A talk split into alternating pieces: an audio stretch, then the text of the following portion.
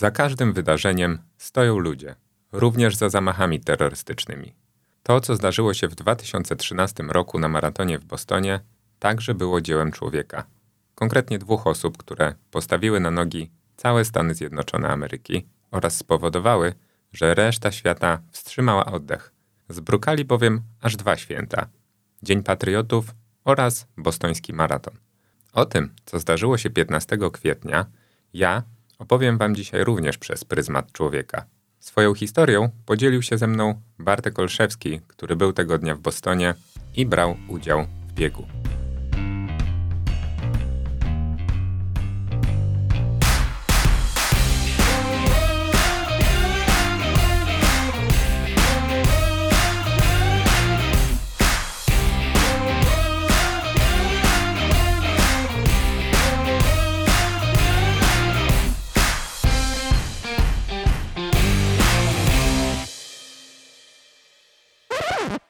Partnerem odcinka jest marka Trek Nutrition, polski producent suplementów diety dla sportowców i osób aktywnych.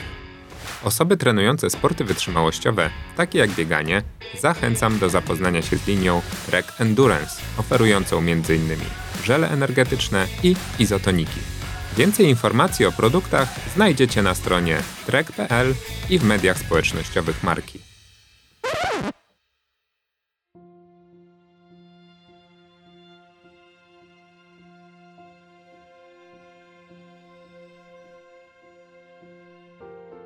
Cześć, tu Kuba Pawlak. Jako, że spotykamy się w podcaście dla biegaczy, to chyba nikomu z Was nie muszę tłumaczyć, czym jest bostoński maraton. Bieg odbywa się zawsze w Dniu Patriotów i jest wyjątkowym świętem nie tylko sportowym, ale przede wszystkim społeczno-kulturowym. Biegacze z całego świata na trasie, która wiedzie z Hopkinton do Bostonu, rywalizują już od ponad 100 lat. Po raz pierwszy bieg odbył się tu w 1897 roku. Obecnie, jak wyliczał w 2013 roku The Telegraph, impreza co roku przyciąga ponad 20 tysięcy uczestników i pół miliona widzów. 11 lat temu, w dniu, do którego za moment wspólnie się cofniemy, jego ostatnia mila została poświęcona pamięci ofiar strzelaniny w Newtown. W grudniu 2012 roku w tamtejszej szkole doszło do zamachu, w wyniku którego zginęło ponad 20 osób. Biegacze rywalizowali więc zarówno na cześć dawnych bohaterów walczących niegdyś o wolność Stanów Zjednoczonych, ale chcieli też oddać hołd niewinnym ofiarom strzelaniny. Nie mogli przypuszczać, że teoretycznie zwykły dzień zmieni życie wielu z nich. Chcieli oni walczyć ze swoimi słabościami, z dystansem oraz spełnić swoje marzenia. O finiszu w Bostonie marzył też Bartek Olszewski, znany przez wielu z Was jako warszawski biegacz. Dla niego, podobnie jak dla tysięcy pasjonatów biegania z całego świata, już sam udział w tym historycznym wydarzeniu był czymś wyjątkowym. E, od kiedy, od kiedy zacząłem biegać e, maratony, Boston był takim moim marzeniem, dlatego, bo jest to najstarszy maraton na świecie. W 2013 roku, w którym startowałem, była to już 117 edycja. No i Boston, Boston ma sobie coś wyjątkowego. Tam nie można sobie tak po prostu jechać i, i przebiec, zapisać się, wziąć udział w losowaniu, tylko trzeba zrobić minimum. W każdej kategorii wiekowej trzeba wybiegać określony czas, żeby móc się zapisać na ten maraton. No i osoby z najlepszymi czasami mogą jechać i rywalizować. Dlatego no, bardzo chciałem stanąć po prostu z najlepszymi w ogóle. W, w, Europie tak tego nie czuć, ale w Stanach naprawdę każdy chce pobiec w Bostonie. To jest niesamowite. Są może bardziej spektakularne maratony jak, jak Nowy Jork, e, gdzie mamy więcej kibiców, natomiast Boston ma w sobie tą niesamowitą taką nutkę historii. Rzeczywiście na każdym kroku to czuć, na starcie, podczas biegu. E, wszędzie pomniki, jakieś monumenty upamiętniające najlepszych biegaczy. No, to jest niesamowite, to naprawdę ciary przechodzą i, i chciałem, to, chciałem też to poczuć. Też niesamowita ilość historii związana z Bostonem. Nie sposób nie zgodzić się z Bartkiem. Maraton w Bostonie to wielkie sportowe wydarzenie, które nieraz i nie dwa potrafiło zmieniać bieg historii. To tam miał miejsce milowy krok w rozwoju sportu kobiet za sprawą startu Katrin Switzer, której historię opowiadałem wam w jednym z poprzednich odcinków, a którą Bartek z kolei osobiście spotkał wtedy w Bostonie. To również element magii właśnie takich biegów, że pasjonaci biegania mogą zetknąć się tam z największymi postaciami tego sportu. To, to jest w ogóle, wiecie, ja pierwszy raz startowałem w takim maratonie, więc jak zobaczyłem Expo, jak zobaczyłem, co tam się dzieje, to byłem w szoku. To, to, cokolwiek nie widziałem wtedy, to mi szczęka opadała. E, można było się spotkać, no ja się spotkałem wtedy, pamiętam, z Ryanem Hallem, z Billem Rogersem rozmawiałem, z Katrin Switzer, e, o której już tutaj w podcaście była mowa. Także dla mnie to były niesamowite emocje. Skoro już utwierdziliśmy się w przekonaniu co do wielkości wydarzenia, jakim jest bostoński maraton, no to pora przenieść się do 15 kwietnia 2013 roku. Do tego dnia skrupulatnie przygotowywali się nie tylko biegacze z całego świata, w tym Bartek, ale szykowały się również amerykańskie służby. Organizacja maratonu i jego zabezpieczenia to, jak się domyślacie, duże wyzwanie. E, wyzwanie, któremu często tak w 100% nie można podołać. Jeżeli startowaliście na królewskim dystansie, to zapewne podobnie jak e, ja wcale się temu nie dziwicie. Logiczne jest to, że o wiele łatwiej jest zabezpieczyć konkretny stadion, e, konkretną imprezę zorganizowaną w jednym miejscu niż ponad 42-kilometrową trasę. Wystarczy pomyśleć o tym, że każda ze znajdujących się na trasie osób, czy to jest kibic, czy zwykły przechodzień, e, może mieć ze sobą jakiś, nie wiem, plecak, torbę, a w każdej z nich z kolei może być bomba, nóż, inne narzędzie, którym można posłużyć się w złej intencji. I to właśnie w cudzysłowie słabość maratonu postanowili wykorzystać e, Tamerlan i Johar Carnajewowie. Oni uderzyli właśnie tam, gdzie nikt ataku terrorystycznego po prostu się nie spodziewał. Dlaczego zaatakowali właśnie podczas maratonu? Sposób myślenia terrorystów omawiał w programie Minęła 20 Jerzy Dziewulski. Mówił, że w terroryzmie nic dwa razy się nie zdarza i zamachowcy uderzają właśnie tam, gdzie jest to najmniej spodziewane. 15 kwietnia na trasie oprócz Bartka był również William Evans, członek Boston Athletic Club, ale przede wszystkim oficer policji, który później brał udział w ujęciu sprawców zamachu. O tym, co się wtedy wydarzyło, opowiadał w serialu dokumentalnym, który serdecznie Wam również polecam, jeżeli nie widzieliście, Amerykańska Obława, zrealizowanym przez Netflixa. Nie tylko podkreślał on tam wyjątkowość bostońskiego maratonu, w którym, tutaj cytat, wszyscy są sobie równi, ale również opowiadał. Służyłem w bostońskiej policji przez 38 lat. Wiele widziałem i dobrze wiem, że jeśli ktoś chce skrzywdzić innych, to znajdzie sposób. I ten sposób udało się niestety znaleźć dwóm wspomnianym braciom. Ich działania spowodowały, że około godziny 14.59 w Bostonie rozpoczął się niesamowity chaos, a świat wstrzymał oddech. To właśnie wtedy wybuchła pierwsza z dwóch skonstruowanych przez nich bomb. Chwilę później eksplodowała druga. Zamachowcy doskonale wybrali nie tylko miejsce ataku, ale również jego czas – Bieg trwał już niemalże od 4 godzin i 10 minut, co oznaczało, że o ile biegacze elity opuścili już metę, o tyle właśnie w tym miejscu znajdowało się bardzo wielu finisherów, a wokół zgromadzone były tłumy, które chciały powitać na mecie swoich bliskich, no ale też obcych, bo kultura w e, dopingu w amerykańskich biegach jest właśnie taka, że biegnąc tam możemy dostać niesamowitą porcję energii od kompletnie obcych też nam ludzi. Wśród obserwujących zmagania była m.in. Janelle Jimenez z Boston Emergency Medical Services. O tym, jak czuła się tamtego pamiętnego dnia, przeczytałem w Boston Herald. 15 kwietnia 2013 roku zaczął się jak każdy inny dzień. Tego dnia pracowałam z moim partnerem. Umieścili nas przy Dartmouth i Boyston. Właśnie widzieliśmy, jak Joey McIntyre przekracza linię mety. Byliśmy bardzo podekscytowani, ponieważ jesteśmy jego wielkimi fanami. Nagle znaleźliśmy się naprzeciwko linii mety i usłyszeliśmy i zobaczyliśmy, a także poczuliśmy ten huk. Początkowo poczułam to w palcach swoich stóp, a następnie dotarło aż do czubka mojej głowy. Zanim to uczucie minęło, usłyszeliśmy drugi huk. Kilka sekund później rozpoczęło się piekło. Zapanował ogromny chaos, nikt nie wiedział, co się dzieje. Służby próbowały zapanować nad sytuacją. Jimenez biegała z noszami między rannymi, inni próbowali przekierować nadal znajdujących się na trasie biegaczy w inne miejsca. Billy Evans o 14.59 był już po swoim biegu. Cieszył się z kolejnego ukończonego maratonu. Do mety dotarł w czasie 3.34. Nie wiedział, że wysiłek jego życia i prawdziwy, wykańczający maraton miał się dopiero zacząć. ESPN.com opowiadał wtedy.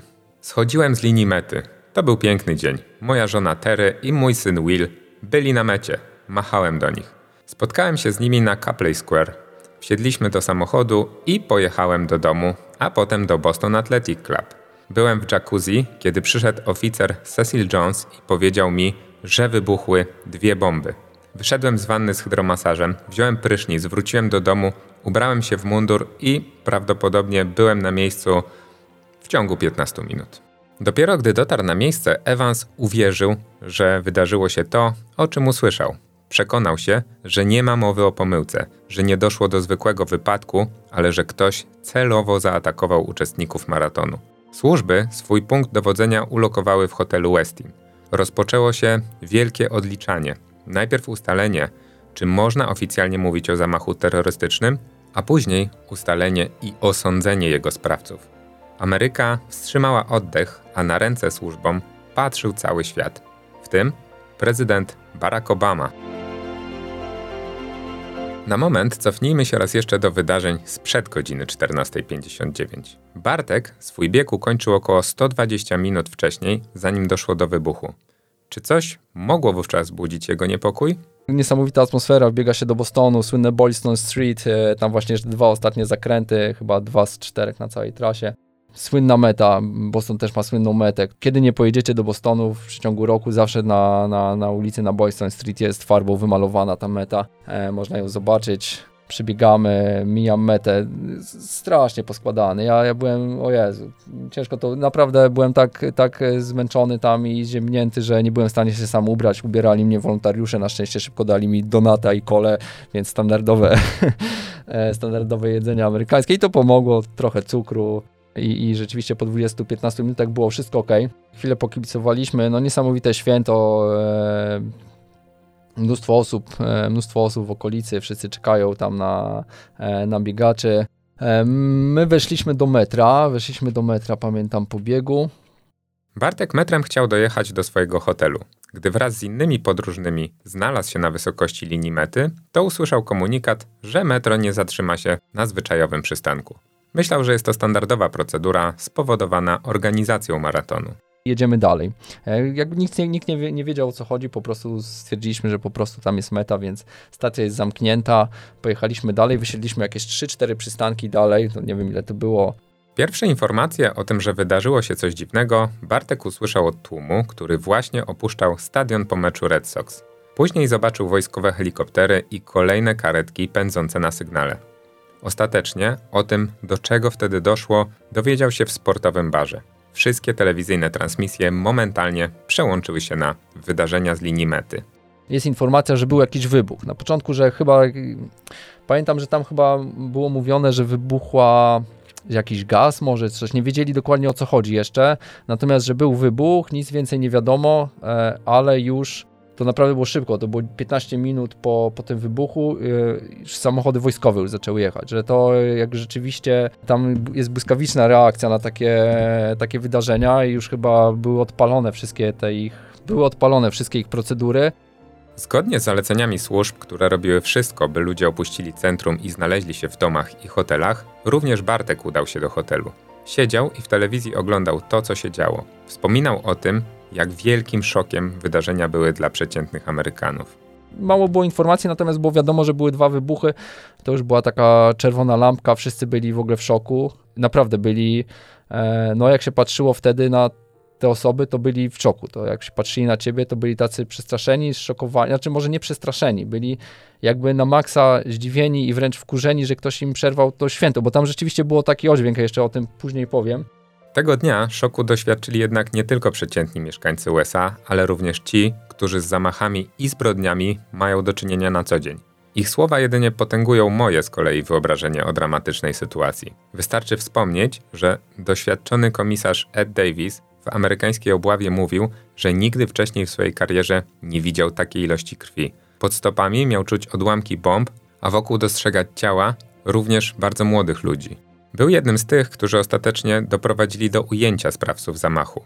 Cały proces ich identyfikacji i poszukiwania był jednak niesamowicie żmudny oraz trudny. Przede wszystkim dlatego, że długo policjanci nie byli w stanie wytypować absolutnie żadnych podejrzanych. Otrzymali również tak dużą liczbę materiałów do analizy, że nie było szansy wszystkich ich przejrzeć. Tysiące osób wysyłało im nagrania, zdjęcia, opowiadało o tym, co się wydarzyło. Z jednej strony każdy detal mógł być ważny, ale jednocześnie skupienie się na zbyt wielu z nich nie posuwało w ogóle śledztwa do przodu. To była największa sprawa kryminalna w historii miasta, a my nie mieliśmy żadnych podejrzanych. Tak mówił Davis, który przeprowadzone wtedy śledztwo nazwał najbardziej intensywnym w historii bostońskiej policji. Teraz spróbuję, trochę podobnie jak niegdyś śledczy, poukładać dla Was te wydarzenia. Do zamachu doszło w poniedziałek około godziny 14.59. Przez kolejne godziny policjanci nie potrafili wytypować żadnych podejrzanych, a tych oraz wyjaśnień chcieli wszyscy. W mediach i głowach ludzi pojawiły się skojarzenia z wydarzeniami z 11 września 2001 roku. Bano się, że to kolejny zamach terrorystyczny. I tak też wydarzenia z Bostonu zostały w końcu oficjalnie określone przez FBI oraz prezydenta Obamę. Wreszcie w śledztwie nastąpił pierwszy istotny przełom. Po wielu godzinach stresu i narastającej frustracji śledczy odkryli, że na jednym z restauracyjnych nagrań był mężczyzna w białej czapce, który miał ze sobą plecak. Dlaczego policjanci zwrócili na niego uwagę? Dlatego, że gdy wszyscy patrzyli z zaskoczeniem w stronę, z której nadszedł wybuch, jego akurat nie zdziwiła ta sytuacja. Nie patrzył w kierunku, w którym rozgrywał się horror, ale po prostu odszedł. Tak jakby wiedział, co właśnie się wydarzyło. Ponieważ policjanci nie mieli dokładnego zdjęcia mężczyzny ani nie znali jego tożsamości, na potrzeby śledztwa nazwali go Whitehead. Później ustalili, że podejrzany współpracował z innym mężczyzną, tym razem w czarnej czapce. Dwóch gości określanych jako White Hat oraz Black Hat momentalnie stało się najbardziej poszukiwanymi przez służby osobami w całych Stanach Zjednoczonych. 18 kwietnia w czwartek, po kolejnych godzinach, w których nie udało się ustalić tożsamości sprawców, FBI zdecydowało się upublicznić wizerunek podejrzanych. Ukazanie światu ich twarzy rozpoczęło zupełnie nowy etap śledztwa. Policjanci wiedzieli, że od tej chwili raczej nie zdołają już zatrzymać podejrzanych po cichu. Liczyli, że ktoś rozpozna mężczyzn, jednocześnie bojąc się, że podejmą oni gwałtowne i nerwowe ruchy, a ich obawy ostatecznie okazały się niestety słuszne. Sprawcy postanowili bowiem uciec i chcąc ukraść broń, zamordowali policjanta Shona A. Colliera. Sprawa była dodatkowo szokująca, gdyż do zdarzenia doszło na terenie kampusu uniwersyteckiego Massachusetts Institute of Technology. Po dokonaniu mordu policjanta, bracia Tamerlan i Johar Carnajewowie rozpoczęli ucieczkę. Planowali udać się do Nowego Jorku. Po drodze ukradli drugi pojazd, a jego kierowcę wzięli za zakładnika. Temu mężczyźnie udało się jednak uciec, gdyż zamachowcy zatrzymali się na stacji benzynowej. E, musieli to zrobić, gdy okazało się, że w jego aucie jest zbyt mało paliwa, by do Nowego Jorku dojechać, gdzie prawdopodobnie mogli chcieć dokonać kolejnego zamachu.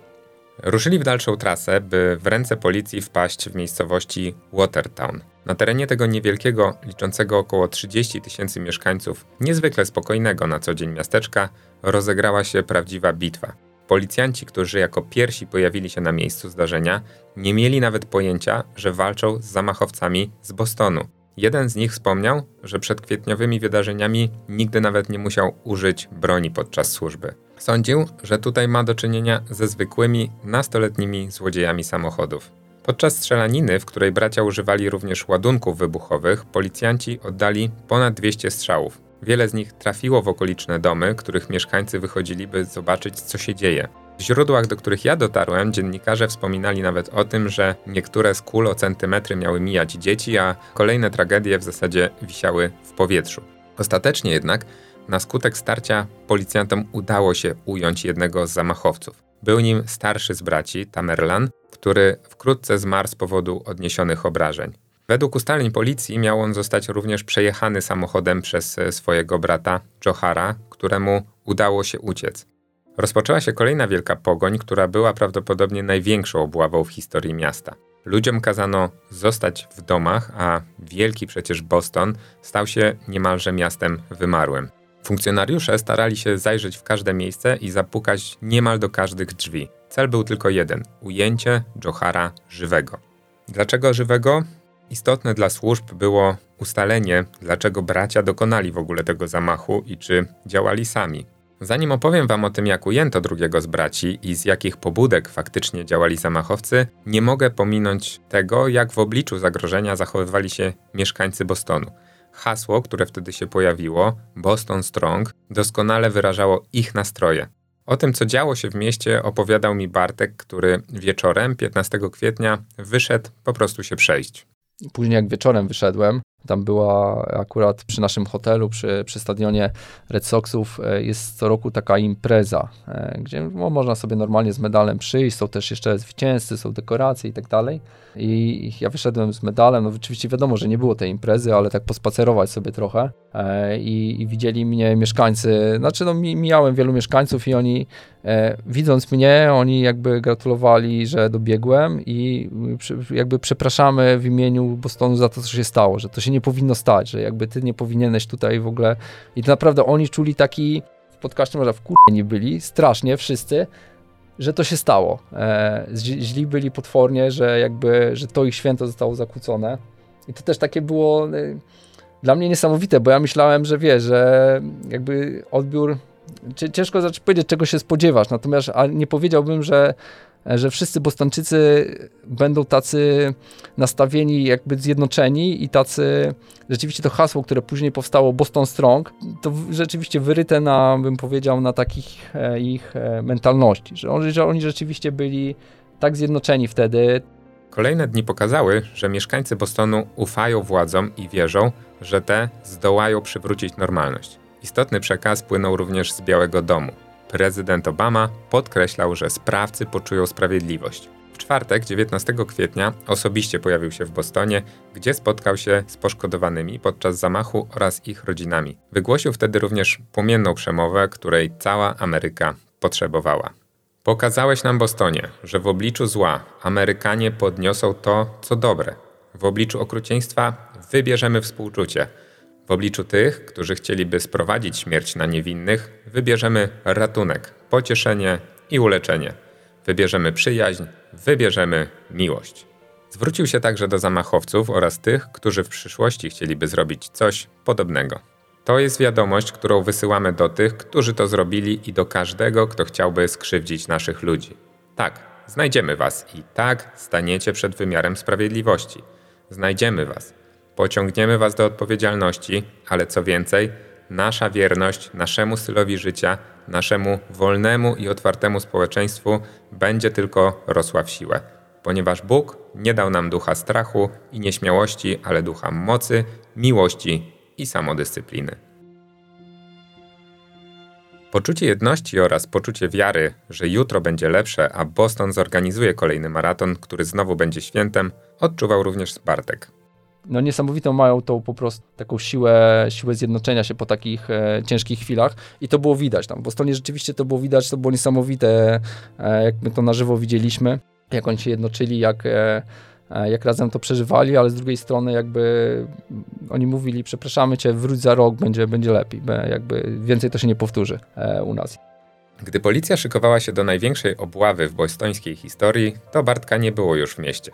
We wtorek 16 kwietnia wyruszył bowiem do Nowego Jorku. Mimo policji oraz wojska na ulicach udało mu się opuścić Boston, co w kolejnych dniach mogłoby już okazać się niemożliwe. Gdy usłyszał, że również zamachowcy mają poruszać się w tym samym kierunku, to miał obawy, że jego zaczną również o coś podejrzewać. Tak się na szczęście nie stało. Bartek znalazł się jednak pod ostrzałem mediów, polskich mediów. Jego obecność w Bostonie chcieli wykorzystać wszyscy dziennikarze. Gdy nie odbierał, to próbowali kontaktować się z jego rodziną. Relacja naocznego świadka była wówczas przecież na wagę złota. W pewnym momencie stałem się takim wys wysłannikiem dziennikarskim w Bostonie, bo byłem osobą, która biegła ten Boston, która tam była, dużo osób wiedziało. Ja w ogóle byłem tam wysłany przez e, cyfrowy Polsat, więc e, można powiedzieć też stację, która no, bardzo była tym wszystkim zainteresowana. Również po powrocie do Warszawy media nie chciały zostawić go w spokoju. Jak to zwykle bywa, szukano sensacji, a do relacjonowania zamachu wysłano już nie tylko sportowych dziennikarzy. Efekt był taki, że Bartkowi zadano nawet to pytanie, które każdy biegacz przyjmuje z uśmiechem pod nosem, a więc na ile kilometrów bieg maraton w Bostonie. Partnerem odcinka jest marka Trek Nutrition, polski producent suplementów diety dla sportowców i osób aktywnych. Osoby trenujące sporty wytrzymałościowe, takie jak bieganie, zachęcam do zapoznania się z linią Trek Endurance, oferującą m.in. żele energetyczne i izotoniki. Więcej informacji o produktach znajdziecie na stronie trek.pl i w mediach społecznościowych marki. Powróćmy jednak do losów drugiego z zamachowców z 15 kwietnia. Johara udało się ująć w dość niespodziewanych okolicznościach. Policja, która od wielu godzin przeszukiwała miasto i okolice, w końcu musiała odwołać zakaz wychodzenia z domów. Powoli zaczęto godzić się z tym, że zamachowiec po prostu uciekł. Dodatkowo, będący na nogach od wielu dni funkcjonariusze fizycznie nie mieli już siły, by dalej go ścigać. Planowali przespać się i wrócić do działania. Kilku z nich miało nawet trafić z wyczerpania do szpitala. Gdy część z nich zaczęła rozjeżdżać się do domów, to nagle otrzymali niepokojący telefon od jednego z mieszkańców Watertown. Mężczyzna poinformował ich, że ma na podwórku łódkę i zobaczył na niej ślady krwi, których wcześniej nie było. Po chwili na miejscu byli już wszyscy i to dosłownie wszyscy, również ci, których nie powinno tam być. Przeprowadzono taką skrupulatną operację, bo nie było wiadomo, czy zamachowiec na przykład nie poobkładał się materiałami wybuchowymi. Potrzebny był więc helikopter i kamery termowizyjne.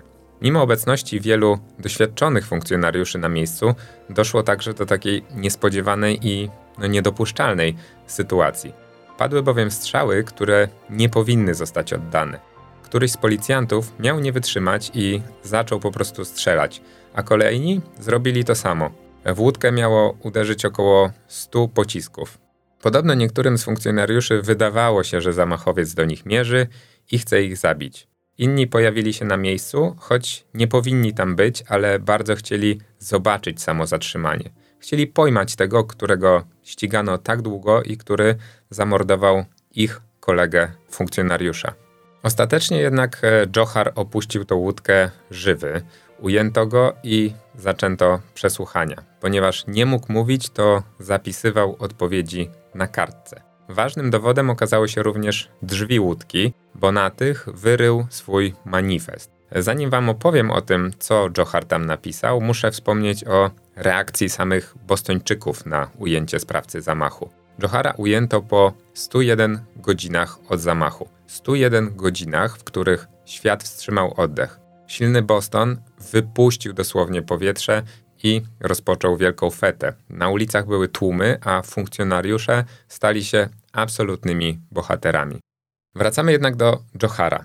Postaram się znaleźć odpowiedź na trudne, ale na pewno cisnące się wam na usta pytanie, dlaczego w ogóle dwóch braci zostało zamachowcami. Wyjaśnić te kwestie próbowali dziennikarze Boston Globe. Będący efektem wielomiesięcznego śledztwa tekst autorstwa Sally Jacobs, Dawida Filipowa i Patricia Wen wielu uznało za bardzo kontrowersyjny. Wskazywali w nim bowiem, że nikt nie rodzi się terrorystą, a każdy jest po prostu człowiekiem. Próbowali ustalić, co spowodowało, że bracia zaczęli zabijać.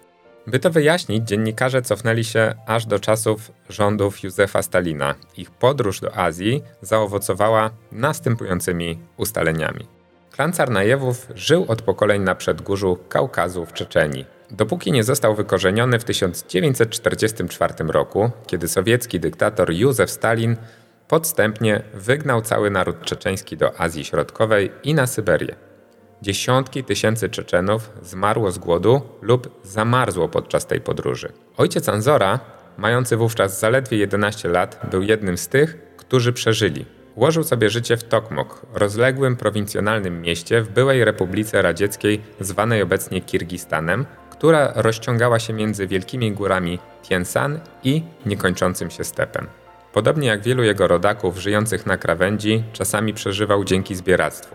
Często przeszukiwał lokalne wysypisko zwane Złotym Dołem w poszukiwaniu przedmiotów lub złomu na sprzedaż. Pewnego dnia w 1988 roku wrzucił do swojego samochodu kilka obiecujących metalowych przedmiotów, nie wiedząc, że są wśród nich materiały wybuchowe. Samochód eksplodował, zabijając ojca siedmiorga dzieci i dziadka Tamerlana i Johara.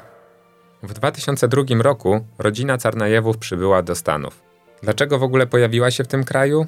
Już na tym etapie historii napotkałem na sporo sprzeczności. mieli szukać azylu politycznego, marzyć o amerykańskim śnie lub też uciekać przed półświadkiem, z którym zadarł ojciec rodziny, Anzor. Ich historia jest pełna sprzeczności. Być może po prostu koloryzowali, by móc uzyskać prawo azylu. Anzor na początku miał być oczarowany wizją nowego życia i krajem, do którego trafił. Ponieważ nie znał nikogo na terenie USA, to o pomoc poprosił lekarza, doktora Kasana Bajewa, wybitnego chirurga i dawnego swojego kolegę.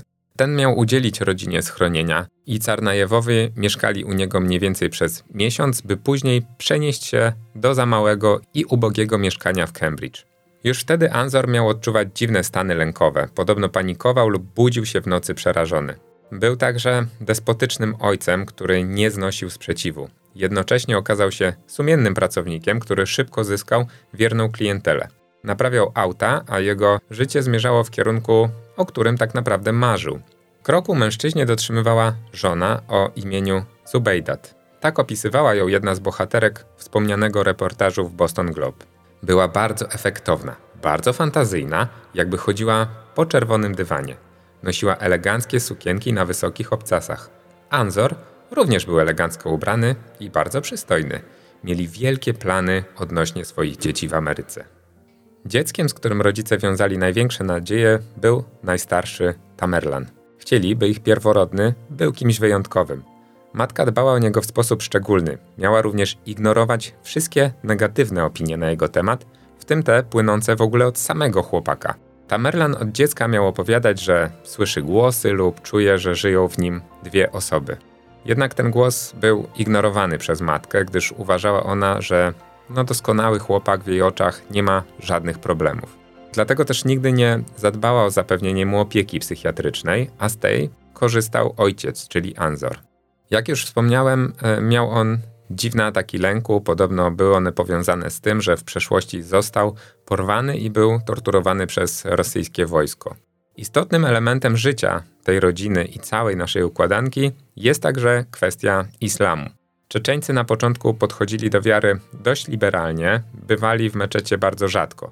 Później jednak zwrócili się w stronę religii, w której szukali tak naprawdę pocieszenia dla całej sytuacji. Matka liczyła m.in. na to, że gdy Tamerlan skoncentruje się na Koranie, to zapomni po prostu o imprezach. Tradycjonalistą był również ojciec rodziny, choć w mniejszym stopniu było to powiązane z religią. Miał raczej swoje uprzedzenia i chciał kultywować dawne zwyczaje. Gdy na przykład jedna z córek związała się w szkole z Brazylijczykiem, to kazał Tamerlanowi zakończyć ich relacje. Syn ostatecznie posłuchał ojca i skończyło się to jakimś mordobiciem względem chłopaka siostry. Co ważne, dla pierworodnego ojciec był nie tylko rodzicem, ale też pierwszym trenerem. Tamerlan miał bowiem zamiłowanie do boksu. Trenował w Somerville Boxing Club, a po godzinach pracował też nad formą statą. Gdy biegał, ten pokrzykiwał na niego podobno z roweru, no co jest takim biegowym tutaj motywem. O radykalizmie Anzora świadczy fakt, że mieszkając w Cambridge i żyjąc w USA, przymusił swoje córki do aranżowanych małżeństw i podobno obydwa się rozpadły. Podobną rolę jak Anzor dla Tamerlana, ten z kolei pełnił dla swojego rodzeństwa, zwłaszcza dla młodszego Johara. Znajomi określili, że młodszy chłopak miał być przy starszym bracie jak zagubiony pies, tutaj cytat. Mimo, że na przykład nie interesował go boks, to gdy brat tego chciał, chodził z nim na treningi. Ich relacja oparta była na takiej dominacji ze strony Tamerlana i była jednym z argumentów w rękach obrońców Johara, którzy już po zamachu starali się grać na tą kartę po prostu. Nieudane małżeństwa córek, brak realizacji marzeń oraz problemy zdrowotne spowodowały, że Anzor przestał odczuwać fascynację do Stanów Zjednoczonych. Jego American Dream się nie spełnił, a frustracja po prostu narastała. Winnym wszystkich problemów rodziny, a ostatecznie też jej rozpadu, stał się dla niego system amerykański. System, w który rodzina kiedyś uwierzyła, a który przeżył ich i wypluł. Wypluty poczuł się również Tamerlan, którego marzenia o bokserskiej karierze nie doszły do skutku. Dlaczego tak się stało i dlaczego utalentowany, podobno zawodnik, zamiast stać się gwiazdą sportu, został zamachowcem? No również w tym przypadku nie mam dla Was takiej jednoznacznej odpowiedzi. Według Rosłana Carniego, e, wujka braci, którego cytowały liczne media, Tamerlan swoje podejście do życia zmienił pod wpływem tajemniczego mężczyzny o imieniu Misza. Miał być to Ormianin w wieku około 30 lat, który no, zrobił chłopakowi po prostu tak zwane pranie mózgu. Miał sprowadzić go na ścieżkę radykalnego islamu i spowodować, że porzucił on rozrywkowe życie, zrezygnował z kariery boksera, no i stał się fanatykiem, który wierzył w różne spiskowe teorie związane z, na przykład z zamachem z 11 września. Inna wersja tej historii zakłada, że Tamerlan chciał zdobyć medal olimpijski w boksie, ale nie mógł zrealizować swojego marzenia, co zrujnowało jego psychikę. Chłopak, który miał dosłownie miażdżyć swoich rywali i być pewnym olimpijskiego sukcesu, nie mógł ostatecznie wystartować na igrzyskach. Miała mu to uniemożliwić zmiana przepisów. Oczywiście obwinił za nią system, ten sam system, który zniszczyć miał również jego rodzinę. Radykalizm Tamerlana pogłębił się w 2012 roku po jego pobycie w Dagestanie, gdzie odwiedził ojca. Spędził tam pół roku, podczas którego miał spotykać się z niebezpiecznymi osobami, w tym również podejrzewanymi o działalność terrorystyczną. Jego kontakty i rozmowy, w tym takie, w których padały takie określenia jak dżihad, zwróciły uwagę służb.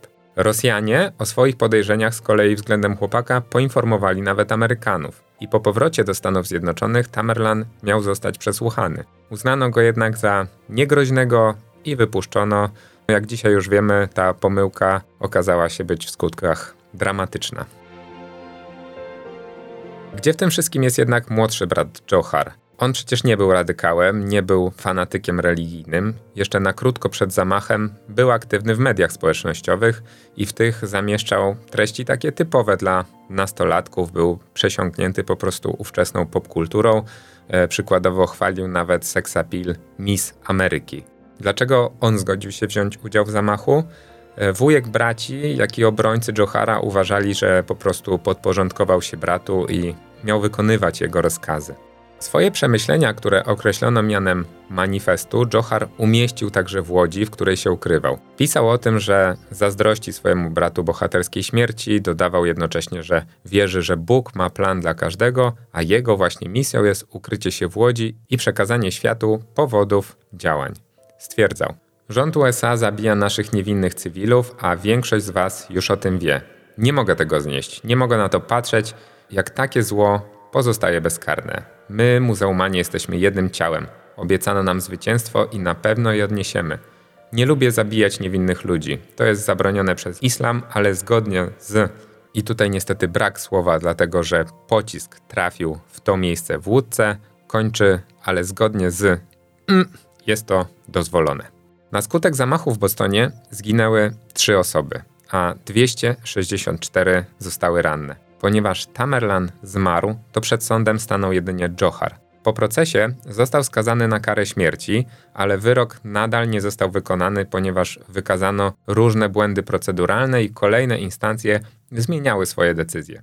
Chodziło na przykład o to, że jedna z kobiet zasiadających na ławie przysięgłych szerowała dalej tweety e, w sprawie Czarnajewa, gdy miała zakaz e, wypowiadania się na jej temat. O, to był na przykład jeden jedna z nieprawidłowości. O wiele istotniejsze jest jednak w tym wszystkim co innego, a mianowicie to, co wydarzyło się w Bostonie w poniedziałek 21 kwietnia 2014 roku. Wtedy, nieco ponad rok po zamachu, odbył się kolejny maraton. Silny Boston posłuchał swoich mieszkańców oraz prezydenta Obamy. Nikt nie ugiął się pod naporem terrorystów. Biegacze nie dali zamachowcom satysfakcji i udowodnili, że nie dadzą zrujnować tradycji. Również Bartek planuje wrócić do Bostonu, by po raz kolejny poczuć smak tego biegu. No cóż, co, co zostanie z tego Bostonu? Z tego Bostonu na pewno została mi niesamowita chęć wrócenia tam i chcę wrócić w 2025 roku. Mam rachunki do wyrównania z Bostonem, zdecydowanie. E, chcę tam powiedz, e, chcę jeszcze raz zmierzyć się z tą trasą i chcę, chcę tym razem ja, ja być lepszy, bo pokonała mnie ta trasa totalnie naprawdę super biegnie, niesamowity, mówiąc zupełnie serio.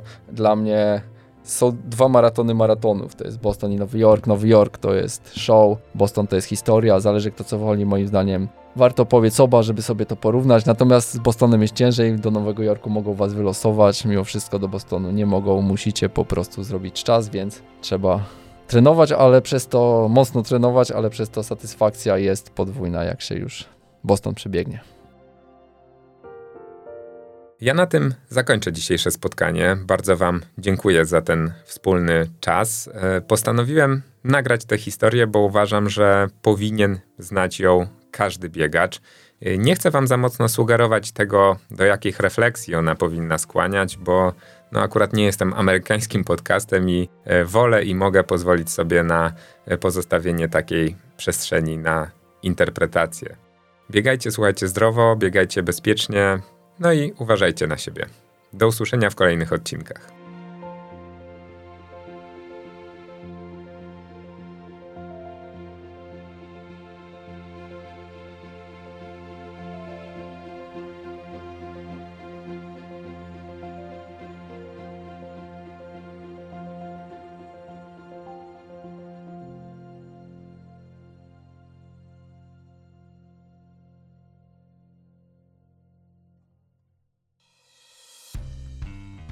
Znacie to uczucie, gdy wyprzedza się rywali tuż przed metą lub gdy kurier przynosi wam nowe buty do biegania?